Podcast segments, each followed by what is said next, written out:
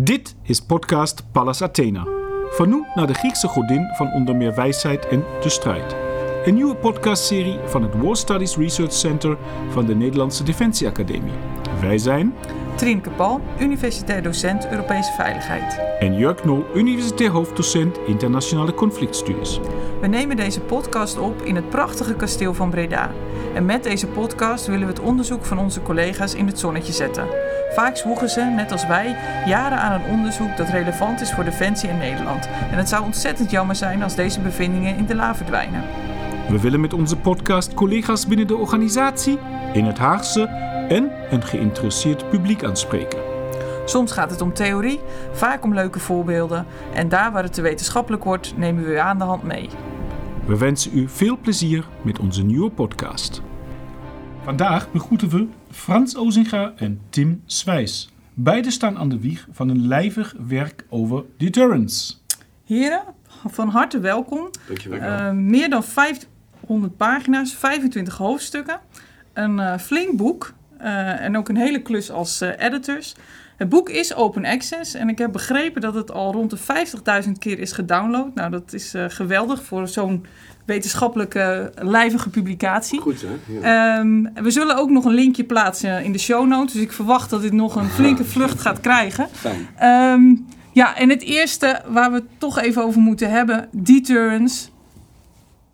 Wat betekent het concept überhaupt? Zal ik hem nemen? Eh, deterrence gaat over eh, het proberen af te schrikken van je tegenstander. Zonder dat je daarbij overgaat tot het gebruik van eh, grootschalig militair geweld. Dat is heel simpel. Je wil eigenlijk iemand tegenhouden. Zo- Zorgen dat bepaalde dingen niet gebeuren. Eh, en desnoods ben je misschien bereid om symbolisch dan militaire instrument in te zetten. Maar eigenlijk wil je dat niet. Maar je wil wel zo'n geloofwaardige dreiging neerzetten. Dat die zegt van oeps, wacht even. Laat ik maar eens eventjes eh, bepaalde dingen niet doen. Wat de tegenstander niet wil. En waar moeten we aan denken bij deterrence? Wat is een goed voorbeeld? Nou, sinds 2014 is natuurlijk weer een goed voorbeeld. Ehm, de assertiviteit van Rusland, wat bij de NAVO tot zorg heeft geleid. Waarbij de NAVO weer zegt van, hé, hey, wacht even, we moeten toch in staat zijn om eventuele agressie van Rusland eh, te, te voorkomen. Mocht Rusland eventueel eh, een stap de Baltische Staten eh, in willen doen. Dat is natuurlijk een hypothetisch voorbeeld, maar de NAVO is er wel om dat soort mogelijke agressieve activiteiten van een potentiële tegenstander tegen te gaan. En was dat ook de directe aanleiding voor dit boek? 2014 heeft afschrikking als strategie en als concept, als theorie weer op de agenda gezet van de NAVO en daarmee meteen ook weer op de wetenschappelijke agenda. Terwijl het natuurlijk nooit is weg geweest. En dat blijkt ook vervolgens in de hoofdstukken die beschreven worden. Dit is een, eh, ook in de Koude Oorlog was het natuurlijk het centrale concept waar onze veiligheid mee samenhing. Nou ja, je spreekt het net al een beetje aan. Hè? Het is eh, theorie, concept, wetenschap. Maar dan toch meteen de vraag ook van, eh, om- omdat we natuurlijk ook heel graag een breder publiek ook met onze podcast willen bereiken. En ik denk jullie ook met jullie boek. Ja. Op welke plank moet jullie boek eigenlijk staan? Willen jullie dat het een theoretisch boek is? Willen jullie dat practitioners daarmee aan de slag gaan? Of... ja, we zijn in Nederland. Het is beide, Jurk. Het is beide. Um, onze concluderende chapter, onze eh, concluderende hoofdstuk heet ook Insights from Theory and Practice. Dus inzichten van de theorie en de praktijk. En ook inzichten voor de theorie en de praktijk. Dus eh, om, om dat iets concreter te maken en toe te lichten. Als je um, kijkt naar de ontwikkelingen die er de laatste jaren, 15 jaar hebben plaatsgevonden, zie je drie grote ontwikkelingen. Eén, je ziet de terugkeer, moet ik zeggen voor de laatste vijf jaar, van Great Power Competition. En als we dat eh, iets anders zeggen, kun je zeggen interstatelijke strategische competitie. Eén ontwikkeling. De tweede ontwikkeling is dat we de digitale vervlechting en de vernetwerking van onze maatschappijen zien, waardoor er allemaal nieuwe manieren zijn waarop eh, militaire organisaties, maar staten invloed kunnen uitoefenen. En de derde ontwikkeling is dat je snelle militair-technologische eh, ontwikkeling ziet op het vlak van lange afstandsraketten, op het vlak van eh, nieuwe eh, onbemande systemen, op het vlak van de opkomst van artificiële intelligentie en implicaties voor wapensystemen. Dus dat heeft ook allemaal impact op de manier waarop actoren proberen elkaar te bedreigen, maar ook hoe je dus deterrence, afschrikking, uitoefent. Nog even terug naar dat punt van die theorie in de praktijk. Eh, want juist zoals je met deze onderwerpen aangeeft, het is ontzettend uh, reëel. Het is uh, verre van een theoretisch concept. Um, aan de andere kant hebben we die theorieën soms ook nodig om weer op een andere manier naar dingen te kijken. Hoe hebben jullie in de bundel qua bijdragers daar rekening mee gehouden? Ja. Of, um, toch gewoon ook, dat heeft ook te maken met de vraag voor wie schrijf je dit? Het is zowel een tekstboek als waar we staan, een inventarisatie over wat we weten op dit vlak. En vervolgens willen we de vraag beantwoorden van oké, wat is er nu aan het veranderen? De tweede vraag is, uh, in wat voor type strategische contexten uh, komen we die turns tegen? Uh, is dat alleen maar tussen staten of zien we ook dergelijke ideeën terugkomen in de strijd bijvoorbeeld tegen de Taliban in Afghanistan of tegen ISIS? Komen misschien soortgelijke ideeën impliciet toch ook tegen in vredesoperaties. We hebben ook, dus ook gekeken naar de verschillende uh, om, strategische omgevingen waar je misschien die turns uh, tegenkomt. Um, en we hebben het ook heel bewust neergezet voor de wetenschap. We hebben dus ook een, een soort een, ja, een inventarisatie willen maken, maar ook aangegeven: oké, waar liggen nu momenteel de grenzen van toepassingen? Welke nieuwe ja, echt de ondergrondige gebieden zijn nog, hè, waar Tim het over had, artificial intelligence. Wat doet dat ermee? En daarmee beland je natuurlijk ook op het terrein van de huidige strategie binnen de NAVO, maar ook bij de verschillende ministeries. Van oké, als we dan iemand moeten afschrikken, waar moeten we rekening mee houden? Want in de praktijk blijkt het ontzettend moeilijk te zijn om die turns um, daadwerkelijk effectief toe te passen. Uh, het gaat vaak juist fout. En daarvoor schrijf je dus ook. Dus enerzijds gewoon voor bachelor- en masterstudenten in de hoop ook dat ze die concepten en dat begrip met name over dat hele brede domein van afschrikkingstheorie, dat ze dat mee kunnen nemen mochten ze een keer in een adviesrol zitten of in een commandovoeringsfunctie uh, zitten. Met daarnaast natuurlijk de huidige beleidsmakers en de huidige strategen. Uh, vandaar ook dat we heel bewust het voor een breed publiek, ook voor de NAVO-officieren, hebben willen neerzetten. En zijn er ook bijdragers van practitioners of vooral academici? Um, nou, in die zin dat militairen hebben een bijdrage geleverd. um, het zijn vooral wetenschappers, maar wel die altijd een voet hebben gehad in het krijgswetenschappelijke domein, in het domein van strategische studies. Daar zitten ook echt uh, enorme experts bij die hun, uh, hun echt hun uh, sporen hebben uh, verdiend in denktanks, in Amerika bijvoorbeeld. Mensen die in adviesrollen hebben gezeten, zoals Lawrence Friedman uit, uit Londen. Echt hele bekende namen. Ja, dat wil ik even, even wat name dropping. Ja, Mag hier ja, gewoon. ja, ja. Uh, nee, Friedman, daar zitten ook mensen bij die momenteel dus adviseur zijn in het Pentagon of het, of het State Department. en daar zie je dus een hele duidelijke wisselwerking. Enerzijds tussen de wetenschappelijke wereld en anderzijds de beleidsmatig en de strategische realiteit. Frans Ozinga is commodore in de Nederlandse krijgsmacht en hoogleraar krijgswetenschappen verbonden aan de Nederlandse Defensieacademie en de Universiteit Leiden. Tim Swijs is onderzoeksdirecteur bij The Hague Center for Strategic Studies, HCSS, en research fellow aan onze academie. De officiële aftrap voor dit boek was een inspirerende auteursconferentie nog net voor COVID-19 toesloeg. Ja. Ik heb er met heel veel plezier aan deelgenomen. Doch willen we graag ook enkele kritische kanttekeningen plaatsen. Want uh, jullie waren net al heel enthousiast en jullie kwamen allemaal met voorbeelden. Maar juist, juist deze voorbeelden, um, daar wil ik toch ook zeker straks nog een keer op terugkomen. En zeker Trineke ook. Allereerste vraag die ik daarover wil stellen, toch. Ik kan me niet helemaal de indruk onttrekken dat het concept een beetje lijkt op oude wijn in nieuwe zakken. Oftewel, we hunkeren enorm terug naar die duidelijkheid en de structuren van de Koude Oorlog.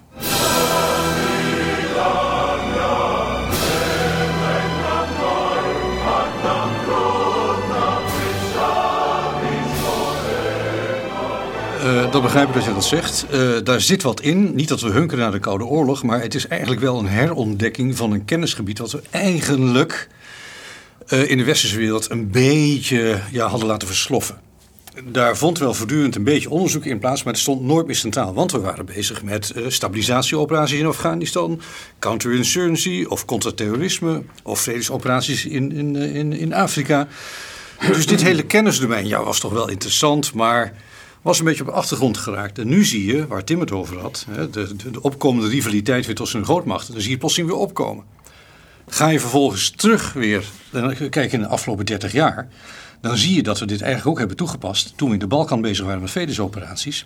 En toen probeerden we, Milosevic probeerden we bijvoorbeeld te weerhouden bepaalde dingen te doen in Kosovo. En daar Kun je daar je nog iets over zeggen? Want wat is dan, de, hoe werd bij Nou. Milosevic die deterrence eh, zichtbaar? Ja, nou ten eerste proberen we hem te weerhouden allerlei vervelende dingen te doen in Kosovo. De etnische zuivering. En dat begon natuurlijk al vanaf 1995, 96, 1998 eh, escaleerde dat. Toen heeft de NAVO echt vergeefs geprobeerd zich sterk te maken met bepaalde, eh, bepaalde oefeningen te, lanceren. Nou, nou zag je dat het eigenlijk niet geloofwaardig was. Waardoor we uiteindelijk eh, daadwerkelijke eh, zuiveringen zien plaatsvinden in 1999. Wat dan leidt tot eerst de dreiging met een luchtoffensief. En dan wat dan uiteindelijk eh, Operation Allied Force wordt. Wat 78 dagen in totaal duurt om Milosevic te dwingen te stoppen met de zuiveringen in Kosovo. Nou, daar zie je dat deterrence gefaald heeft. Dat we eigenlijk deterrence hebben toegepast zonder goed na te denken dat we dat ook daadwerkelijk deden. Niet de randvoorwaarden voor succes hebben geschapen. En dat we vervolgens een, enorm gebrek aan geloofwaardigheid hadden die we met Operation Allied Force moesten herstellen. Maar dan ben je eigenlijk al voorbij deterrence en dan ben je eigenlijk al doorgeschoven naar dwangdiplomatie, compellence. Eh, nou, en dat is het interessante. En vandaar dat we een hoofdstuk over de toepassing van deterrence in vredesoperaties nadrukkelijk hebben toege- toegevoegd. Omdat het zo'n hele moeilijke, ingeperkte context is met hele stringente bepalingen op het gebied van rules of engagement, beperkte mandaten. En da- dan voldoe je dus niet of nauwelijks of heel moeilijk aan de randvoorwaarden voor succes. Ik heb die, diezelfde vraag, Jurk, die jij stelt. Is dit oude wijn in eh, nieuwe kruik of nieuwe zak? Heb ik eh, expliciet gesteld in het hoofdstuk The Essence of Cross-Domain Deterrence. Ehm, en wat mij opvalt is juist dat het veld niet stil heeft gestaan. Maar dat er sprake is van veel theoretische en praktische innovatie. Zul je daar een paar voorbeelden van kunnen noemen Jazeker. Nou, laat me eerst zeggen op welke, op welke vlakken die innovatie plaatsvindt. Er zijn nieuwe domeinen bijgekomen. Ruimte, space, cyber, informatie. Er zijn nieuwe actoren eh, gekomen. Frans noemde net niet-statelijke actoren. Maar er zijn ook actoren zoals de grote e-tech-organisaties met hun platforms... die ook nu betrokken moeten zijn. Al, al is het niet als actor, maar als middel om überhaupt een afschrikking te kunnen doen. Ehm, je ziet door de vervlechting van die maatschappijen dat die tijdsdimensie verandert. Omdat je over langere afstand sneller kan toeslaan, om het zo te zeggen. Maar om dat te zien, kan dat soms wel dagen of weken duren. Dus er zijn allemaal dynamieken gaande die afschrikking eh, misschien nog steeds relevant maken, maar wel af, afschrikking op een andere manier toegepast. Nou, en als, als ik nog één ding aan toevoegen van Tim. Dat eh, vroeger associeerden we deterrence heel direct met nucleaire afschrikking. Ja. Wat we sinds het einde van de Koude Oorlog gezien is dat deterrence ook in een hele andere context, met hele andere middelen, eh, relevantie heeft. Ehm, Israël past deterrence-ideeën toe in het tegengaan van de, te- van de terroristen, in hun ogen. En daarmee krijgt deterrence een hele andere betekenis, een hele andere lading, hele andere verwachtingen dan wij eigenlijk gewend waren in de Koude Oorlog. Ja, waar afschrikking samenhing met het absolute tegengaan van welk gewapend geweld eh, dan ook. Mm. In de context van Israël heeft het een heel andere betekenis gekregen. Dus daar zie je dat het heeft niet heeft stilgestaan, maar dat we het eigenlijk. Het vond plaats langs de zijlijnen en nu plaatst het eigenlijk weer centraal op de agenda, omdat het geopolitiek ook weer zo'n relevante positie heeft ingenomen. Maar praten we dan eigenlijk nog over, over deterrence? Ik bedoel, een van, de, van de grote kritieken die geleverd worden, ook door critici over het begrip en concept van deterrence, is dat het een catch-all phrase is Ja. of een containerbegrip. Dat het enorm zo verbreed is dat het al bijna verwaterd zou kunnen zijn. En eh, een andere kritiekpunt is uiteraard, deterrence werkt zolang tot het niet meer werkt, maar wat was dan daarvoor? Eh, op het moment dat het misgaat, je hebt net Ja. het voorbeeld al met Kosovo genoemd, Ja. waren we dan überhaupt bezig met deterrence? Dus Ja. mijn vraag, zijn we hier niet bezig met een A, overstretch van het concept? Ja. En B, als het niet zo is, is het niet allicht toch een heel ander concept dat we een nieuwe naam zouden moeten geven? Maar Twee ik- vragen. Ja, ik ben het in, in, in de letter niet met je oneens. Maar laat me twee opmerkingen maken over, wat ik noem het concept creep. En waarom concept, Ja, heel graag. ja. concept creep hier op zijn plaats haast is. Eh, eh, Laat me concreet worden. Allereerst hebben we in ons boek Russische, Japanse, Chinese Iraanse, naast Europese en, en Frans noemde al is, uh, Israëlische perspectieven. En als we eens gaan kijken hoe de Russen over afschikking nadenken, dan zien we dat dat stringente onderscheid tussen deterrence en compellence, oftewel ervoor zorgen dat iemand ergens van afziet of iemand dwingen iets te doen, dat bestaat in dat denken niet. Het verschil tussen oorlog en vrede wordt ook niet op die manier gemaakt. Hetzelfde geldt, dat is een Russisch voorbeeld, hetzelfde geldt voor de Chinezen. Alsjeblieft, ga, alsjeblieft ja. Ga door met dit soort voorbeelden. Kijk, We hunkeren. De Chinezen spreken van wesje. En um, dat gaat over een geïntegreerde, holistische benadering van het concept van deterrence.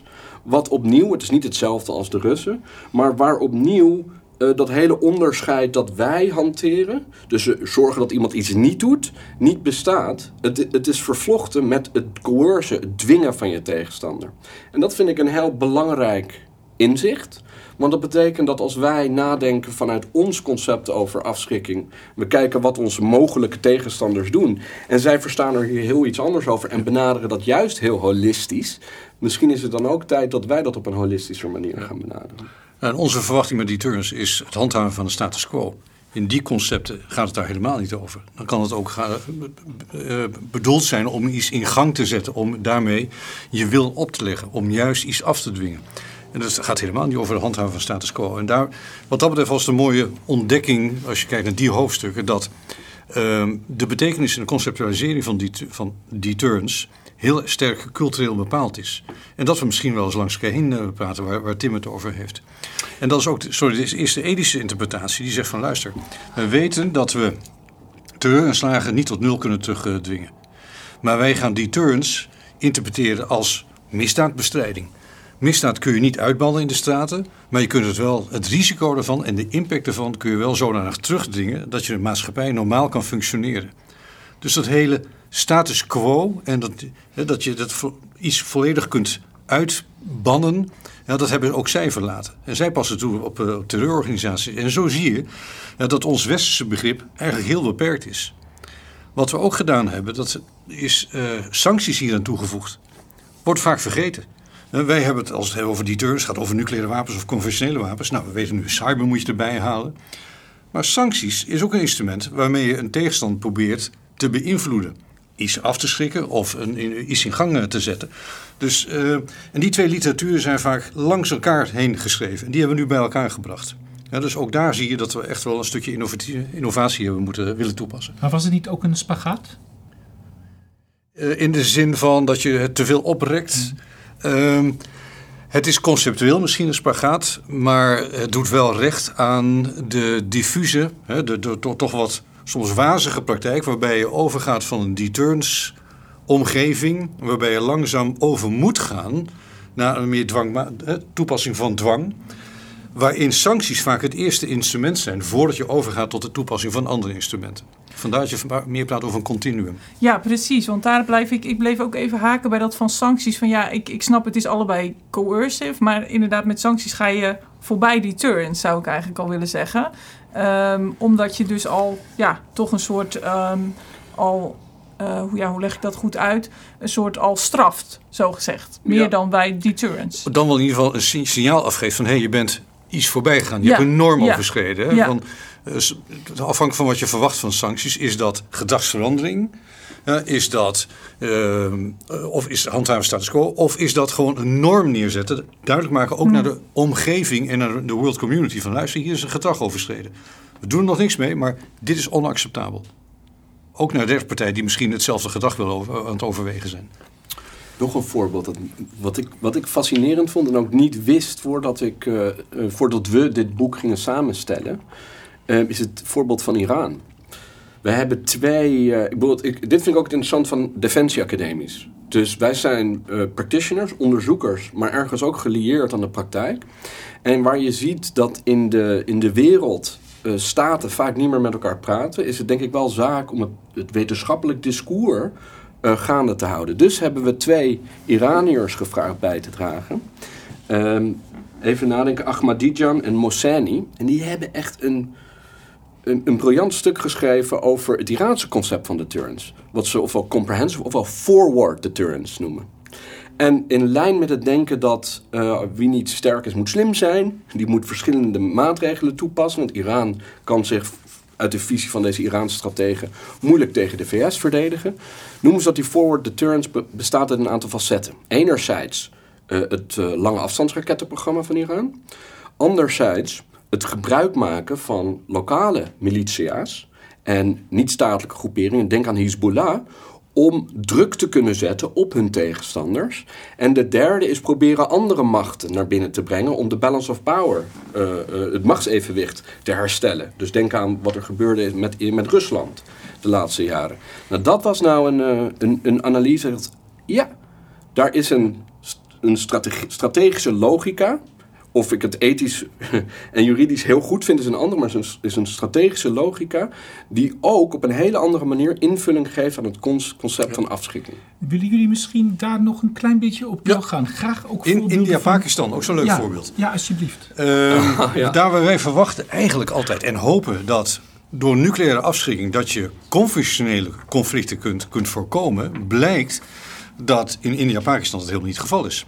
Beide zijn nucleaire machten. En desondanks uh, zie je dat er regelmatig conventionele schermutselingen plaatsvinden met reguliere soldaten en dergelijke, ook slachtoffers vallen.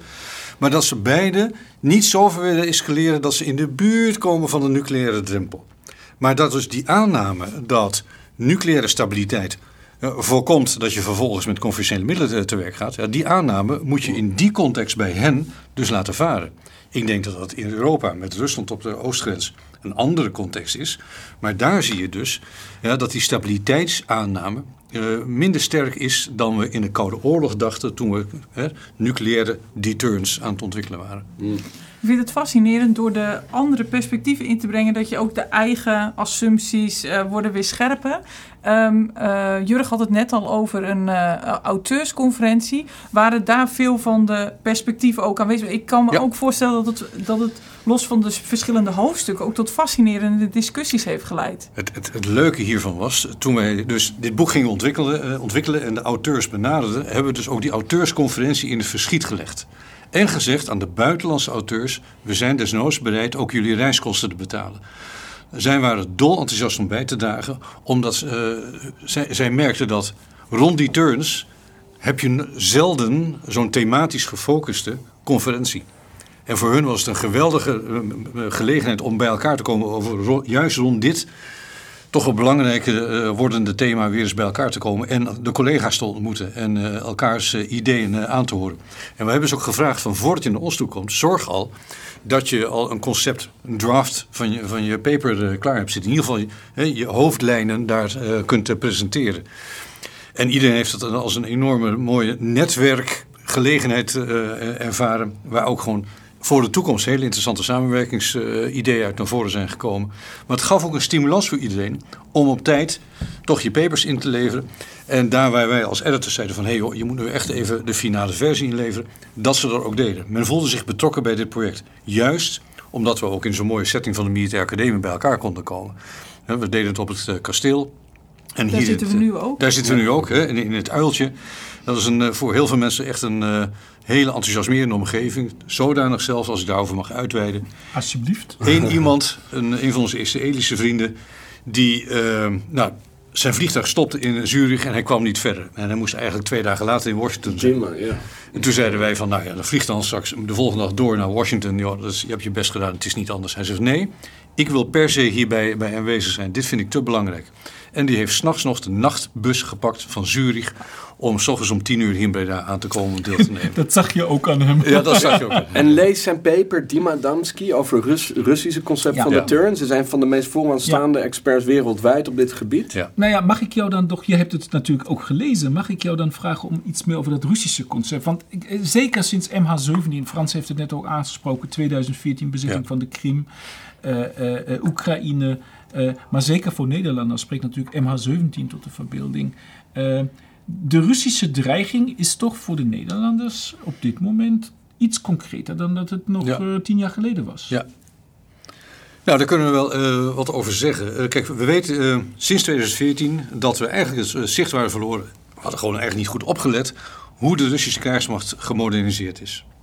Hoe zij een strategie hebben aangepast aan aan de, eigenlijk de westerse militaire superioriteit. En die hebben bepaalde investeringen gepleegd in systemen waarbij bijvoorbeeld het luchtoverwicht voor het Westen veel moeilijker te bereiken is. Ze hebben geïnvesteerd in grond-rond, lange afstand uh, raketsystemen, nucleaire wapens, cybercapaciteiten, elektronische oorlogsvoeringscapaciteiten. Allemaal middelen waardoor zij nu in staat zijn, mochten ze dat willen, uh, de toegang tot bepaalde gebieden, luchtruim en op het grondgebied uh, te ontzeggen, maar ook op zee. Enorme proliferatie van modern maritiem materieel. waardoor vanaf 2014 de NAVO plotseling achter is gekomen dat afschrikking veel moeilijker is uh, dan, dan we initieel uh, dachten. We zien ook dat Rusland een strategie heeft ontwikkeld dat ze weliswaar numeriek inferieur zijn ten opzichte van de NAVO, maar dat ze wel in staat zijn om heel snel een grote troepenmacht ergens langs een van de grenzen van de Baltische Staten of van Polen bij elkaar uh, te brengen.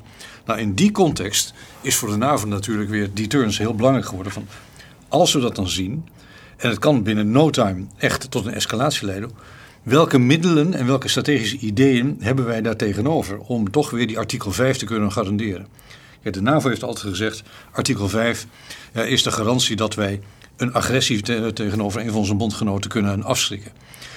Vanaf 2014 weten we dat we eigenlijk niet in staat zijn om een incursion, een, een stapje in Baltisch gebied, bijvoorbeeld Rusland, dat kunnen we eigenlijk niet tegenhouden. We kunnen wel een, afstraf, afstraffing geven, we kunnen Rusland pijn doen.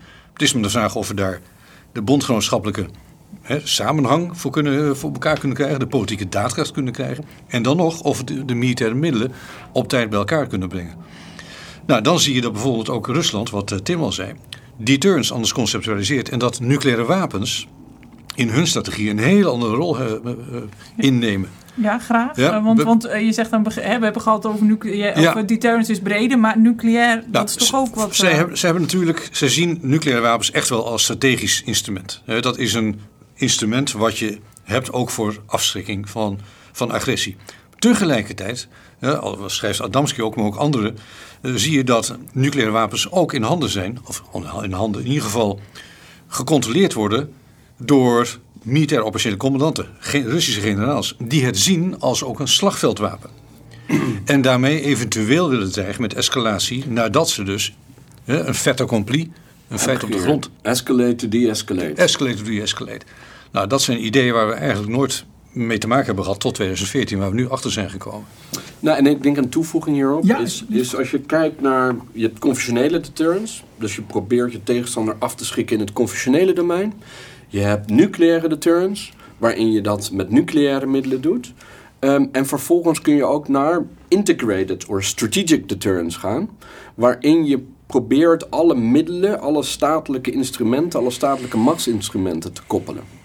En in die Russische doctrine, in toevoeging wat, uh, uh, wat Frans beschrijft, zie je ook heel duidelijk een verbreiding, een verbreding van dat vlak en een wisselwerking tussen civiele en militaire of militaire en niet-militaire instrumenten. En dat is iets waar wij ook niet heel veel antwoord hebben gehad. Dat is dat hybride oorlogvoer waar je het over hebt. Het idee, ja. Daar komen we zeker nog uit okay. te spreken. Nou ja, alhoewel, uh, laat, laat me meteen eventjes hierop doorgaan. Want uh, hybride oorlogsvoering, we hebben net al gezegd, verbreding van dat concept. Kunnen jullie met een paar voorbeelden komen ook van die, juist van die verbreding van het concept nu op die hybride oorlogsvoering? Nou, een, eentje van vandaag, of gisteren, uh, althans de berichtgeving erover. Two major powers at one disputed Himalayan border. India and China blame each other for confrontations over the past month. But why is this happening now? And could the tension trigger a military conflict? We weten afgelopen jaar was er in de Himalaya een standoff tussen Chinese en Indiase militairen. Um, fascinerend, want op meer dan 5 kilometer hoogte staan daar grote contingenten tegenover elkaar. Die, afschikking in, in actie, dames en heren, die niet naar de wapens grijpen omdat ze bang zijn dat het escaleren. In een variant op die India-Pakistan, dat India-Pakistan voorbeeld dat Frans net geeft. En dus wat doen ze als ze met elkaar slaags raken? En dat gebeurde afgelopen jaar dus, langs de line of control. Dan gaan ze met elkaar vechten met de hand en met uh, sticks, uh, stokken. Um, afgelopen jaar ging dat deels escaleren. Er zijn uh, doden gevallen, enkele tientallen aan Indiase zijde, als ik het wel heb. Chinese zijde is de Chinese overheid stil over. Maar wat kwam er vandaag uit? Ten tijde van die schermutselingen um, ging in Mumbai het licht uit. Zagen, eh, Recorded Futures, een, een, Amerikaanse uh, bedrijf, heeft een uitgebreid rapport over geschreven. Um, ten tijde van de schermutseling ging allemaal malware, de elektriciteitsnet van India, op. En er werd het licht uitgezet. En de Indiaanse overheid en de mensen die er eerst op commenteren wilden hier, willen hier nu niks meer over zeggen. Dus dit is een voorbeeld van cross-domain deterrence, waarin je dus op een an, in een andere dimensie, in een ander domein, laat zien dat je kan drukken en dat je pijn kan doen. Is dat beperkt tot China en India? Nee. 2014, 2015, kerstmis in de Oekraïnse stad, de, de naam ont, ontschiet mij, werd door de Russen werd, uh, twee dagen de, het licht uitgezet, de elektriciteit uitgezet. Um, um, even, even doordenkend, de, de vraag over, ik ga nu heel snel hoor, maar de vraag over de interferentie van de Rusland in de, in de Amerikaanse verkiezingen is echt een vraag. Waarom reageerde de Obama-administratie zo laat? Nou, ik heb er met de Obama-administratie officials over gesproken, die ontkennen. Maar andere bronnen spreken over het feit dat ze bang waren omdat de Russen in het uh, uh, Amerikaanse uh, elektriciteitsnet en vitale sectorennet zaten. Waarop de Amerikanen, als jullie me nog volgen, weer als antwoord daarop laten zien in 2018 dat zij ook in het Russische elektriciteitsnet kunnen. Dus wat we zien, nieuwe dimensies, nieuwe domeinen. We zien dus dat afschrikking op een hele andere manier wordt uitgeoefend, maar het gebeurt. Ja, maar ik hoor nu geen afschrikking, ik hoor nu aanval. Ja. Oh! Ja, ja, ja, maar dat, dat is het. Kijk, daar, daar, daar, komen we terug op onze absolute interpretatie van die turns. Hè, dat het een status quo moet zijn, dat er bepaalde dingen niet gebeuren. Je moet nu veel meer, net zoals met cyber, accepteren dat, dat, dat een barrage van beïnvloedingsactiviteiten is, waar je dus anders op moet ingaan, weer dat afschrikken. Oké, en dit is een show of force, hè? Dus Ja. de Russen laten in Oekraïne zien dat ze de capaciteit hebben om het te doen. Dus dat is hetzelfde als een peaceful explosion of a nuclear device. Hè. Denk terug aan India en Pakistan in de jaren negentig. Je laat zien dat je een capaciteit hebt die je kan toepassen. En daar komt het afschrikkingselement in. Dus je zou zeggen, het verschil is als ze uh, in Oekraïne echt blijvend de boel zouden hebben gesloopt, dan is het een aanval. Maar omdat het gewoon een beperkte tijd is, vooral laten zien dat je het kan. Ja. En dan dus ook zelf weer beslissen om je terug te trekken of daarmee te stoppen. Absoluut. Daarom is er sprake van een strategie die we deterrence kunnen Ja, Maar dit is toch een compleet ander concept dan ons de, de Ja, dat- concept. Maar wat, wat betekent Nou. het dan voor de effectiviteit ook van ons eh, deterrence Nou, concept? dat, dit is wel een probleem. Eh, omdat het Westen natuurlijk minder vrijheidsgraden heeft om een dergelijke strategie neer te zetten. De Amerikanen praten intussen over, niet meer over hybrid, maar meer over gray zone warfare. Nou, wij, wij schrikken natuurlijk een beetje terug van het woord warfare. Hè, dat is voor ons eigenlijk al een, een, beetje te ver. Ehm, maar wij hebben hier wel een probleem. En een van de, nou, Tim heeft een hoofdstuk geschreven hierover, eh, over dat hoe kun je dan, dan toch multidomein, hè, in meerdere domeinen tegelijkertijd gesynchroniseerd proberen een antwoord te genereren. Paul Duchesne, die heeft samen met iemand anders een hoofdstuk geschreven over van oké, ja, maar dat is dus niet alleen maar het militaire domein. Ehm, dat, eh, dan moet je dus ook economische zaken bij hebben. Je moet misschien het bedrijfsleven ehm, er- erbij halen om bepaalde instrumenten in te zetten. En wie heeft dan de bevoegdheid erover? Welke juridische kaders omgeven dat soort besluiten en de inzet van dat soort eh, instrumenten? Eh, wanneer is het zelfverdediging? Wanneer is het dan agressie en dergelijke? Dus nou, daar worstelt het Westen echt nog mee. De Europese Unie worstelt ermee. Die heeft dan bijvoorbeeld als reactie op die hybride beïnvloeding vanuit de andere actoren, Iran en Rusland bijvoorbeeld, die hamert op resilience. Dat is een, zeg maar een defensief concept dat onze maatschappijen weerbaarder moeten maken. En daarmee betreed je eigenlijk het domein van afschrikking door denial. Dat is een van die concepten, dat je de tegenstander eigenlijk succes ont, de kans op succes wegneemt. Omdat je gewoon zegt van luister, ik ben bijna onkwetsbaar als mijn maatschappij. Wat je ook doet, het zal niet het effect genereren wat jij als politicus denkt te kunnen behalen met jouw beïnvloedingsmethode. Dus Is, dat wat het Westen moet doen? dat, is, soort, dat eh, is een antwoord van de Europese Unie. De NAVO hamert er ook op, maar de NAVO gaat natuurlijk met name over het militaire instrument. Maar, maar onderkent volledig dat dat maar één van de domeinen is waar je actief moet zijn. En kijkt dus ook naar andere organisaties eh, da- daarvoor. En deterrence by denial, wat zijn daarin concrete stappen die eh, Nou, Nederland kan zetten In, bijvoorbeeld? eh, in NAVO-verband is die flitsmacht, die we in de Baltische Staten eventueel kunnen neerzetten, een antwoord. De, het verhogen van de readiness, de gereedheid om snel je middelen in te kunnen zetten en te transporteren naar het oosten, uh, is een NAVO-initiatief. Uh, daarvan zegt de NAVO tegen alle landen: zorg dat we gemeenschappelijk 30 squadrons, 30 bataljons en 30 schepen binnen 30 dagen kunnen uitzenden.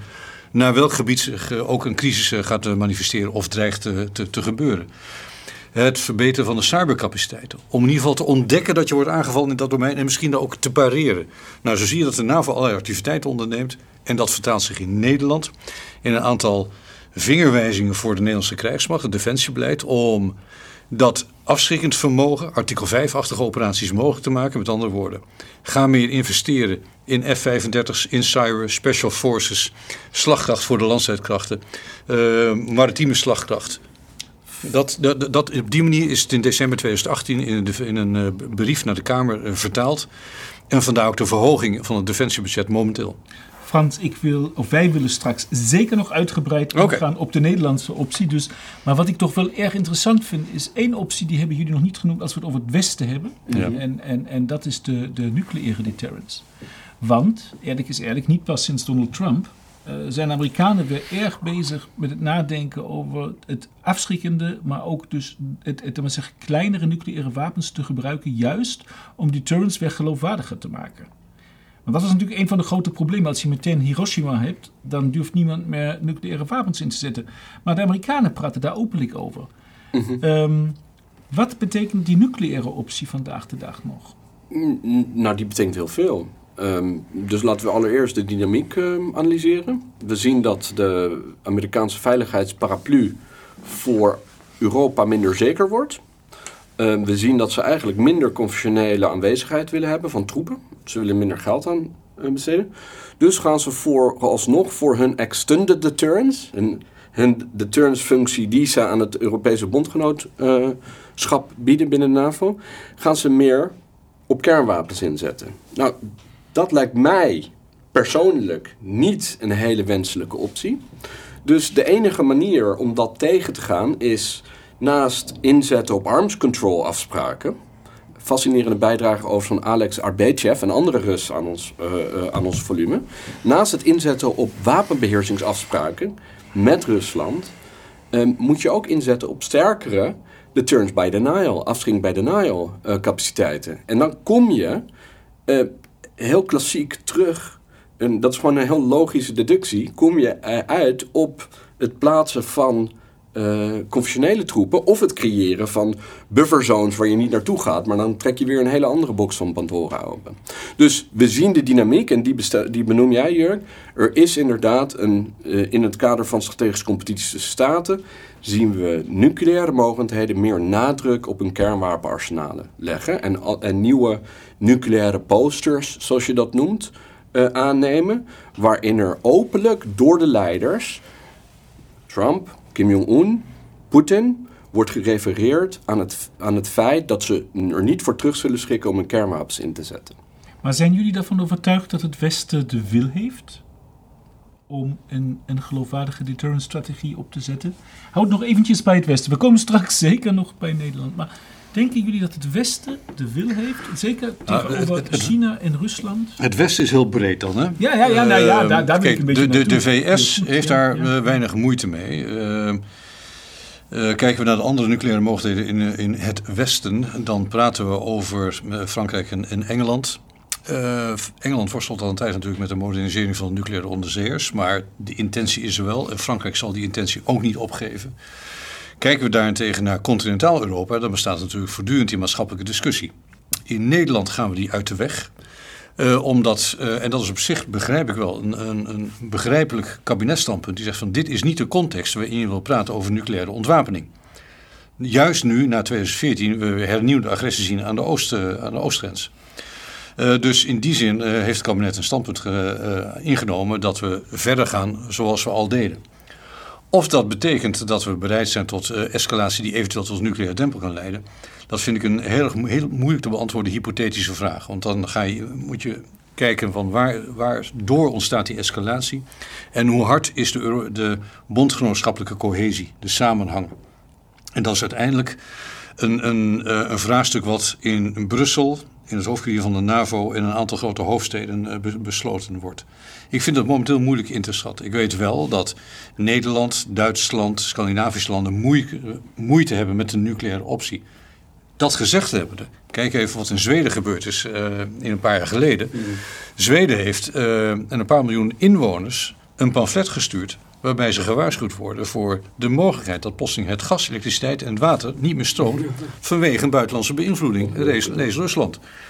En daar zie je weer dat een aantal landen zich voorbereiden op een total defense concept. De dienstplicht wordt weer, eh, militia's worden weer eh, voorzien, zodat mocht er dan daadwerkelijk iets gebeuren, dat een potentiële tegenstander eh, moet rekening moet houden dat hij misschien wel te maken gaat eh, krijgen met een langdurige guerrillaoorlog. Dus in die zin zie je dat we eh, niet nu- non-nucleaire re, responsieopties naar voren eh, zien komen. Dat wil niet zeggen dat de nucleaire optie eh, eigenlijk terzijde wordt geschoven door die landen. Maar je ziet wel dat er gekeken wordt naar nog meer mogelijkheden om in een tijd van crisis een antwoord te kunnen genereren. Ik wil eigenlijk gewoon nog even iets heel anders aanstippen. Want tot nu toe hoor ik jullie in volle overtuiging elkaar aanvullen. En eh, eh, zit er heel erg een lijn in. Ik kan me voorstellen met twee editors met ook best wel verschillende achtergrond. Dat er soort verschillende aanvliegroutes zijn. Wat zijn issue als je kijkt naar de bundel? Waar hebben jullie gezegd, nou daar hebben wij met elkaar ook nog wel een rolletje over gevochten. Ja, een hele leuke vraag. Ehm, en ik denk niet dat dit de plek is voor een uitgebreide liefdesverklaring. We hebben wel een scoop. maar ehm, hebben wij... Op, op, op bijdragen van één of twee auteurs hebben we gezegd van moeten we dit wel of niet doen. Nou, we hebben, het is best wel een, streng eh, editorial proces geweest. We hebben heel streng gekeken naar een hoofdstuk, ook omdat we wisten dat dit kun je één keer doen. Ehm, en, en we hebben bij één of twee hoofdstukken moeten zeggen van sorry, het is, het is prima, maar dit past niet in de bundel. Maar dan dachten jullie niet zelf verschillen. Daar zaten jullie dan ook weer op één lijn. Nou, redelijk, redelijk. Ja. Nou, Ik zoek naar nee, nee. mensen. Nou, dan, dan weet je wel van, hey, waar, uit, komt het eh, uit eh, een, een, een club waar Tim meer affiniteit mee heeft eh, vandaan? Of komt het hier, hier vandaan uit bij daar? Ehm, Waar Tim ook affiniteit mee Daar- heeft, daar- maar ja, ja, ja, onderstrepen. ja, ja, absoluut. Ja, ja. Nee, maar we hebben daar eigenlijk eh, geen controverse over gehad. Ehm, we hebben soms mensen moeten afwijzen van... ja, luister, dit is leuk om erbij te hebben. Maar dit is eigenlijk... zit aan de rand van het deterrence onderzoek... wat we erin willen hebben. Sorry hoor. Dus, maar dat waren we eigenlijk samen wel over eens. Nee, misschien iets toevoegen, want de, dus we zijn vrij streng geweest. eh, en we zijn er ook met eigenlijk bijna alle chapters, behalve die van Sir Lawrence Friedman, zijn we door meerdere eh, edits gegaan. Ehm, en daarin zagen Frans en ik eye to eye. En wat we dan wel deden, was een afstemming over wie het best contact eh, met de auteur kon hebben. Maar laat me toch alsjeblieft eventjes de knuppel in het hoenderhok gooien dan meteen. Oké. Ja, ja, ja, ja. Ik bedoel, jullie zijn twee volwassen mannen, jullie kunnen het hebben, denk ik. Kijk, wie, wie jullie langer kent, die weet ook dat jullie natuurlijk heel erg eh, denken in termen van macht. En, en macht dat als belangrijk concept in deze wereld. En ik ga er tot een bepaalde hoogte ook in mee. Maar is dit nou niet ook juist het gevaar, daardoor dat jullie allebei toch een be- bepaalde kijk en dezelfde kijk bijna op deze wereld hebben? Leuk punt. Ehm, eh, en dank je dat je het opbrengt, Jurk. Ehm, want, kijk, ik denk dat Frans, ik denk dat ik, sommige mensen zouden systeemdenkers noemen, maar je kan het ook eclectische denkers noemen. en eh, eclectisch, niet negatief per se of positief, maar puur dat je flexibel en best. Als ik Ja, want eclectisch, dat bedoel je dat je makkelijk uit verschillende theorieën, verschillende Dingen bij concepten elkaar- combineert. en brengt. ja, ja, ja. Dank je, Trinica. Ehm, precies. Ja. De, de, de, eh, als ik kijk naar de samenstelling van het boek en de verschillende chapiters die we hebben, dan zit daar niet alleen een soort van harde, strategische, internationale veiligheid in. Dan zit daar eh, ook Global Strategic Studies, dus bijdragen van, van verschillende. Dan zitten daar aspecten die zowel over weerbaarheid gaan als over nieuwe domeinen. Maar dan gaat er ook, zijn er eh, chapiters, een hele interessante van Tom Bijlsma en eh, zeker ook van Ja. Isabel Duivenstein en Samuel Selinchik over de rol van emoties. Wat, Ehm, dus, deze, deze, dus deze, ik vind dat we een breed scala Ja. aanraken, waarin juist verschillende perspectieven bij elkaar komen. Wat je zou kunnen zeggen, eh Jörg, dank je wel. Nu heb je me eh, eh, Ja, tot in, de club en hoenderhok gegooid. Je zou kunnen zeggen dat het wellicht op zijn plaats was geweest om nog een eh, eh, iemand à la Ned Lebeau, iemand die heel kritisch ten opzichte van de turns, Ja. theory and practice staat, Ja. om, om eh, eens een keer in een, te kadreren wat nou de effectiviteit is geweest. Alleen dan zeg ik er meteen bij, als je de introductie van Sir Lawrence Friedman leest, dan wordt dat thema ook aangeraakt. Nou, en niet alleen dat, hè, als we daar verder om gaan. Want je kunt inderdaad, eh, als je die turns niet kritisch beschouwt, kun je, kun je het als realiteit aannemen. Maar je moet ook even buiten treden. En dat, dat doen we wel, wel degelijk, juist door te wijzen op de verschillende culturele conceptualiseringen van die turns. Het feit dat China er anders tegenaan kijkt.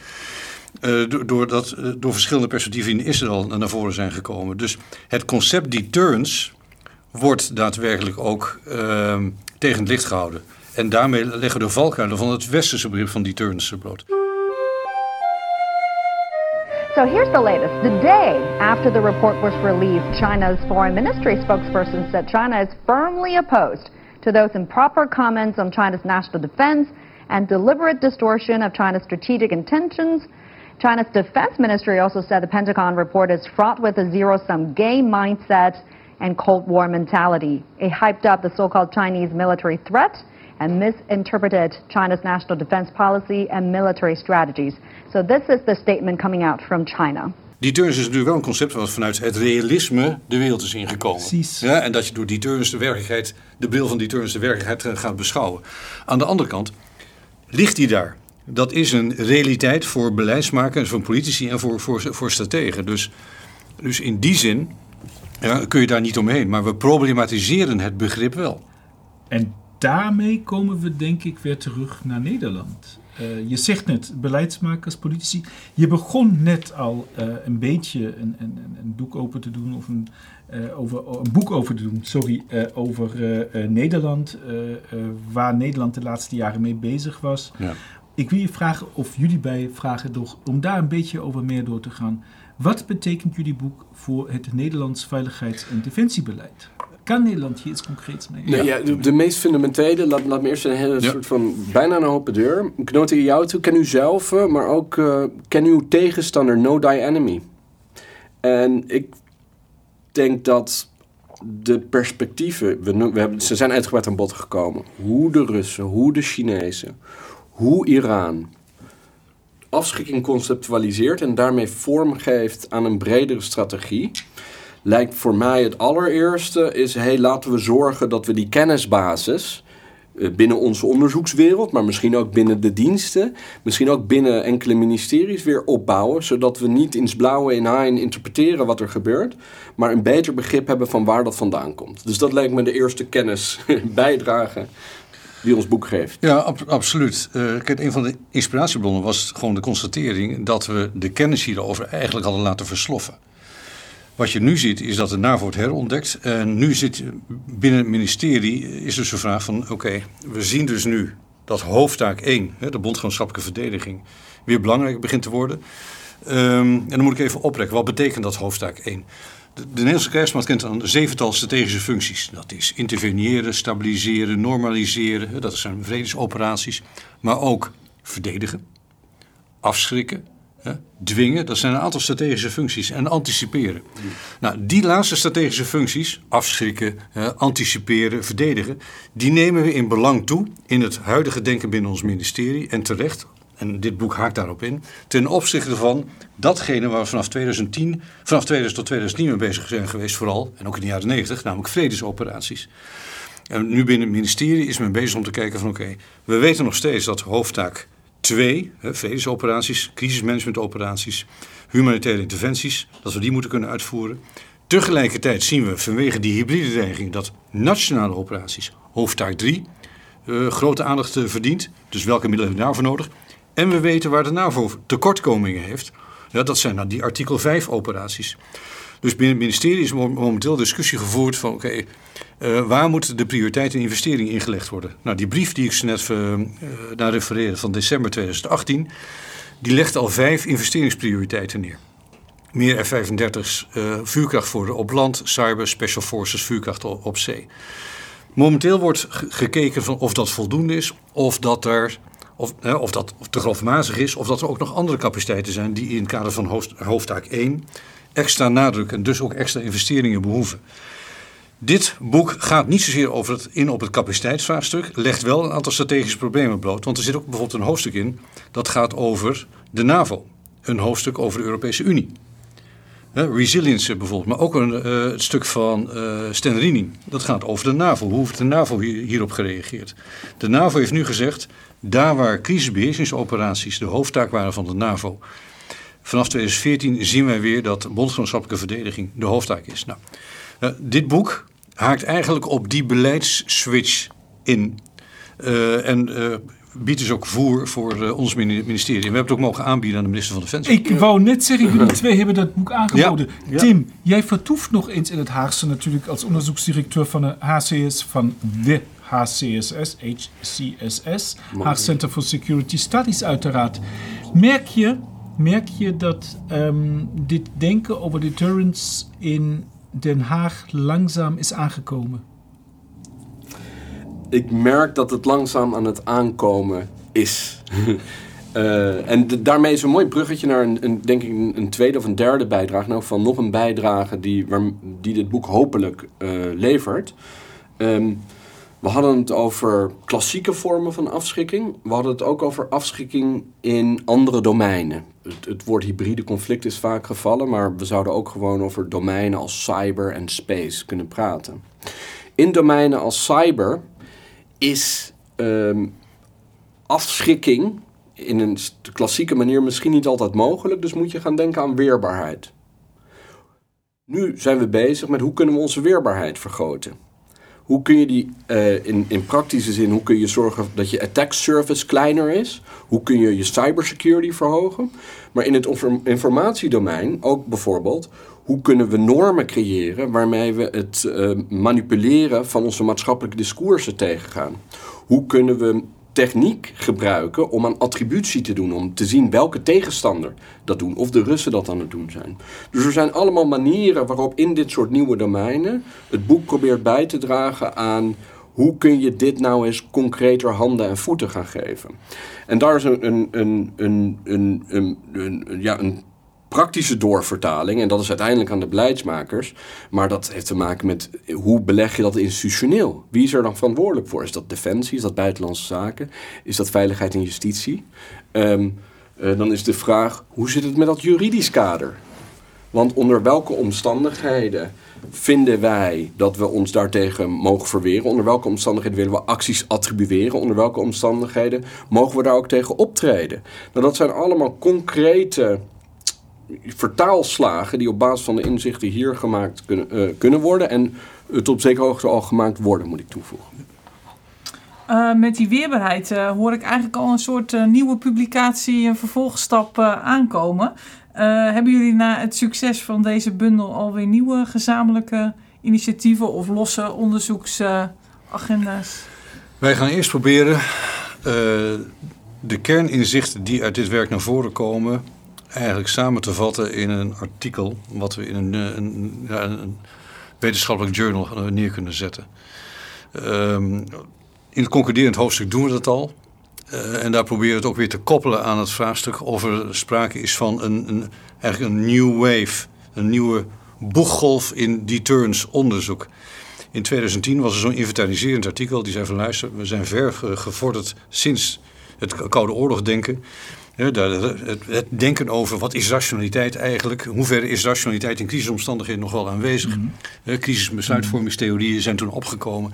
In de jaren negentig is de deterrence onderzoek eh, stond in het teken van het toepassen van deterrence in niet-nucleaire omstandigheden, vredesoperaties, terreurbestrijding en dergelijke. En wij hebben dus de vraag gesteld van praten we nu over een volgende golf. Nou, dat proberen we uiteindelijk te beantwoorden. En we zien dat eigenlijk dat een embryonaal dat dat toch wel aanwezig is. Nou, dat willen we dus even neerzetten in een, een soort syntheseartikel. Uh, resilience hebben we al een keer over uh, gepubliceerd hier ook uh, op de faculteit. dus in die zin of je daar weer zo'n heel boek aan moet wijden, weet ik niet. Maar aan de andere kant, de, de die hieruit voorkomen is wel dat je meehelpt nadenken over de implicaties voor het Nederlands veiligheids- en defensiebeleid. Eh, waar Nederland natuurlijk geografisch mee worstelt, is dat we ver van die oostgrens zitten. Nou, hebben we de middelen wel om daar snel te komen? Of leidt het tot taakverdeling tussen de krijgsmachtdelen bijvoorbeeld? Eh, dat je vooral inzet op die middelen die daar snel kunnen komen. En dat je een landmacht een hoofdtaak 2 en, en 3 bijvoorbeeld toebedeelt. Nou, Overtak 2 en 3? ja, dus vredesoperaties. Ja. En eh, waar je de tijd hebt om in een crisisgebied te komen. Eh, daar waar een crisis aan de Oost-Europese grens zich snel kan ontwikkelen, moet je er ook heel snel bij zijn. Wil je voldoen aan de randvoorwaarden van effectieve afschrikking. En dat is bijvoorbeeld dat je snel een geloofwaardige antwoord kunt genereren. Als je daar niet snel kunt zijn, heb je al een probleem.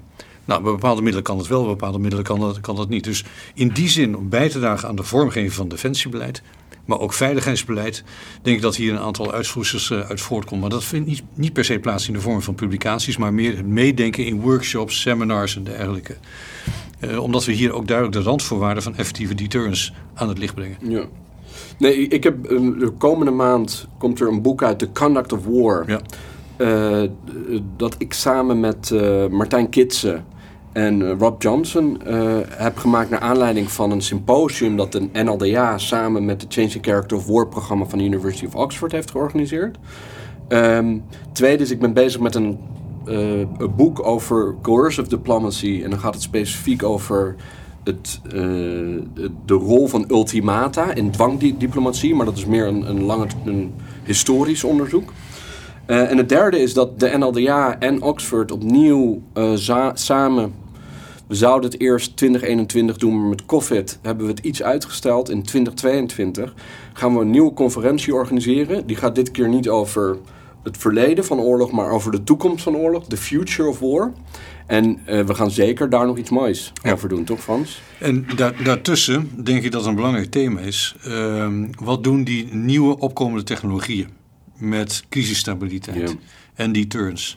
Dat staat daar op cyber, artificial intelligence.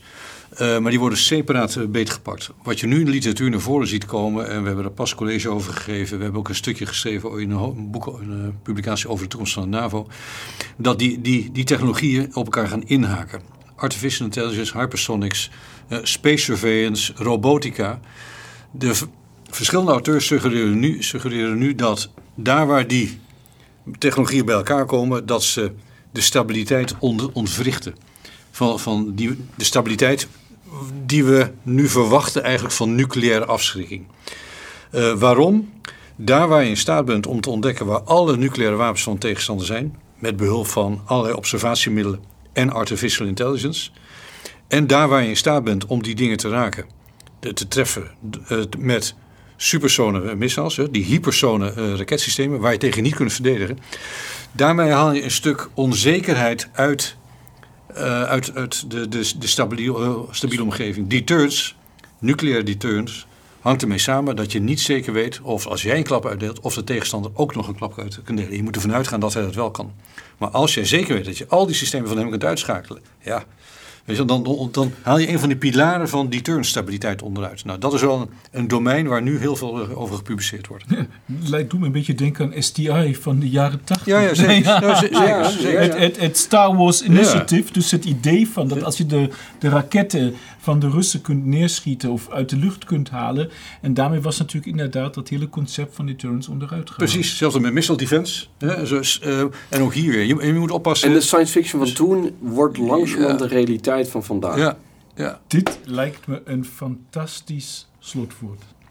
Ja, dank jullie wel uh, voor jullie komst. Uh, we moeten jullie gewoon heel snel nog een keer uitnodigen voor een van de vele onderwerpen die in de laatste minuten nog even zo zijn aangestipt. Um, dit was Pallas Athena, de krijgswetenschapspodcast van het War Studies Research Center van de NLDA. Vandaag waren Frans Ozinga en Tim Zwijs bij ons te gast. En we weten nu alles over het concept van deterrence. Uh, en vooral dat je daar een beetje breed naar moet kijken. Uh, met perspectieven van over de hele wereld. We danken jullie voor jullie komst. En we hopen dat we jullie snel nog een keertje mogen ontmoeten. Met genoegen. Jo. Dank jullie wel. Bij de totstandkoming van deze podcast zijn veel mensen betrokken geweest die we graag willen bedanken. Opnames en productie Ed Bouwman Audiovisueel Centrum van de Nederlandse Defensie Academie. Communicatie en verspreiding Laura Elshoff en Nicolien Duindam, sectie Communicatie Nederlandse Defensie Academie. Het logo werd ontworpen door Rima Bruining van het Mediacentrum Defensie. Herkenningsmelodie en arrangementen Juri den Tuinder.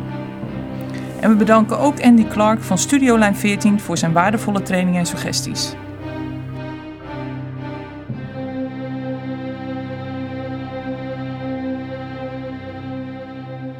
Voor deze podcast hebben we de volgende citaten gebruikt. De hand voor Red October van de Koor van de Rode Armee. Over het China-Indië-conflict Al Jazeera in het Engels. En over het Chinese veiligheids- en defensiebeleid gebruikten we de geluiden van de Chinese zender CGTN.